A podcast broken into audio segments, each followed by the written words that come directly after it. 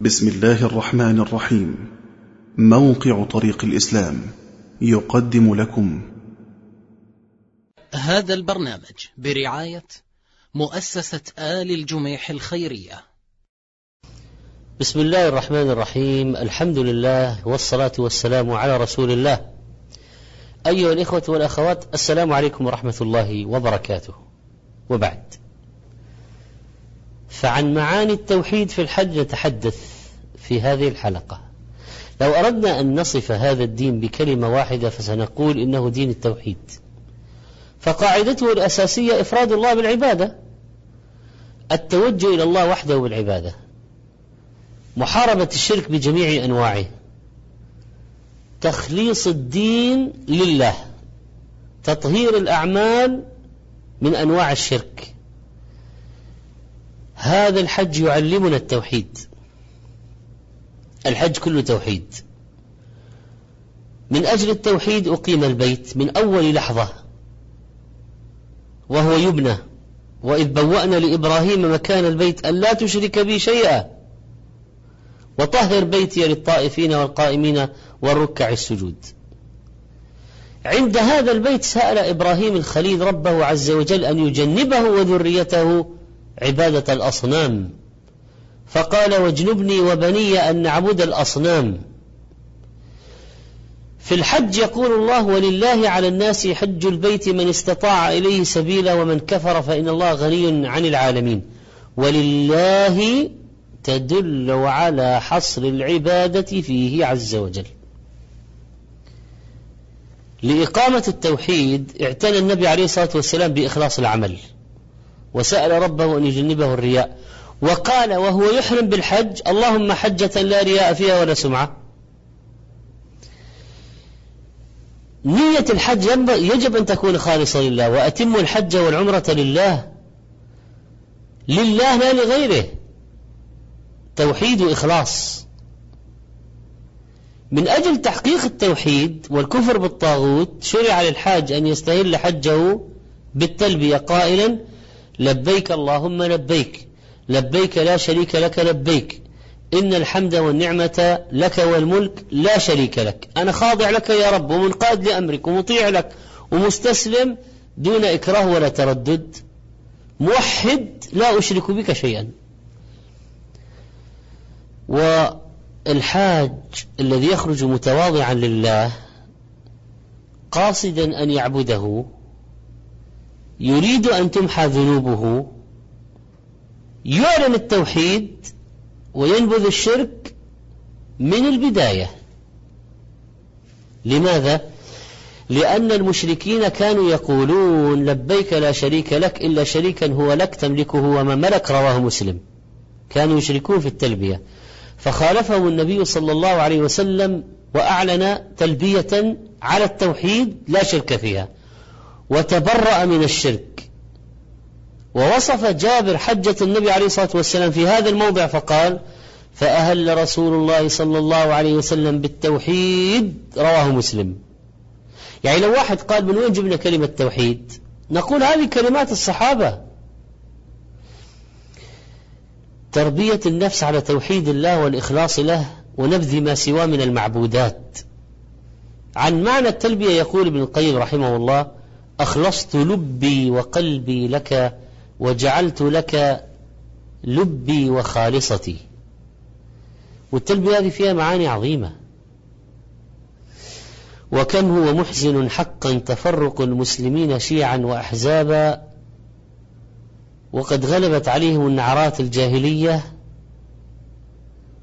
ونحن أمة التوحيد يجب أن نوحد الله ونتوحد. على الحق. في التلبية بالتوحيد إلغاء لجميع الشعارات إلا شعارا واحدا.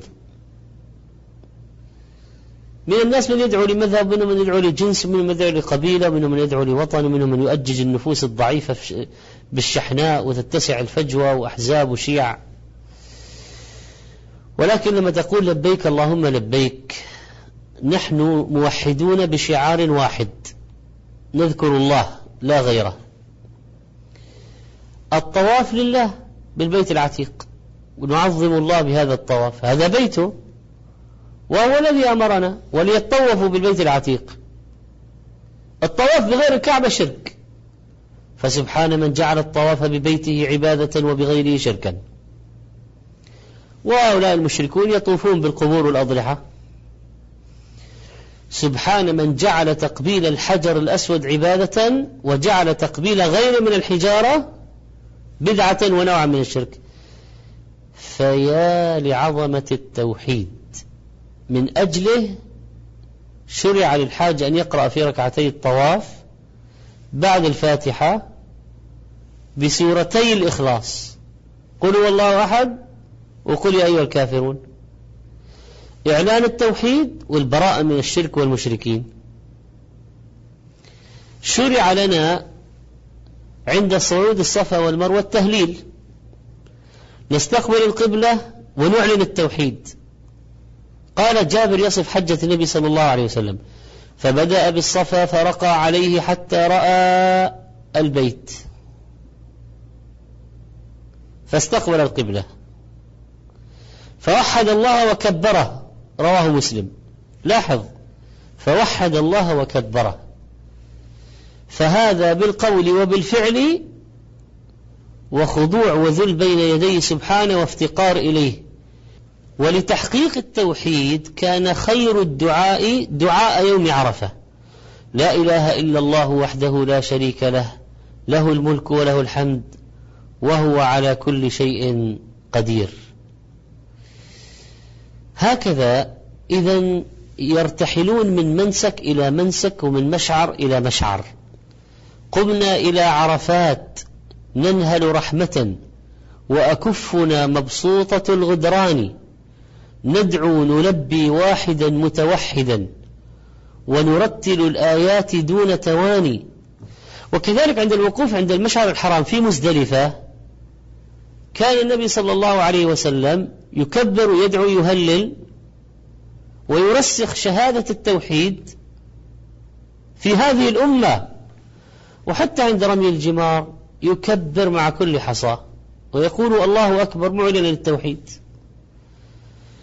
ومن سمع بعض نداءات الشرك والاستغاثة بغير الله يعلم ما تعاني منه الأمة في هذا الجانب. أشار حاج إلى قبة من القباب في سطح التوسعة في الحرم. هذا مقام سيدنا مين؟ سيدنا مين؟ طيب داخل هذه القبة يمكن في آلات تكييف. سيدنا مين مباشرة تنصرف الأذهان إلى الأضرحة ومن رأى بعض ما يفعله هؤلاء من التمسح بالجدران والأبواب والأعتاب وحتى يصعدون العلامة البيضاء في أعلى جبل عرفات الذي يسمونه جبل الرحمة. وليس من السنة صعود الجبل فضلا عن الطواف بهذه العلامة البيضاء. من رأى هذه المشاهد يوقن بأهمية الدعوة إلى السنة وتعليم الناس التوحيد. أيها الإخوة والأخوات إن فرصة عظيمة أن نربي أنفسنا على التوحيد في الحج وأن نعلم أبناءنا وبناتنا التوحيد من خلال هذه المناسك. إن استعراض هذه المشاهد وهذا الذي يقال في المشاعر هو في الحقيقة تكريس لأنه التربية بالتكرار.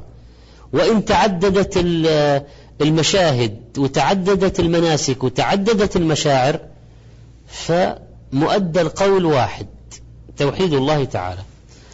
اللهم أحينا مؤمنين وتوفنا مسلمين موحدين وألحقنا بالصالحين غير خزايا ولا مفتونين. أستودعكم الله إلى لقاء آخر والسلام عليكم ورحمة الله وبركاته. هذا البرنامج برعاية مؤسسة آل الجميح الخيرية. مع تحيات إخوانكم في موقع طريق الإسلام www.islamway.com والسلام عليكم ورحمة الله وبركاته.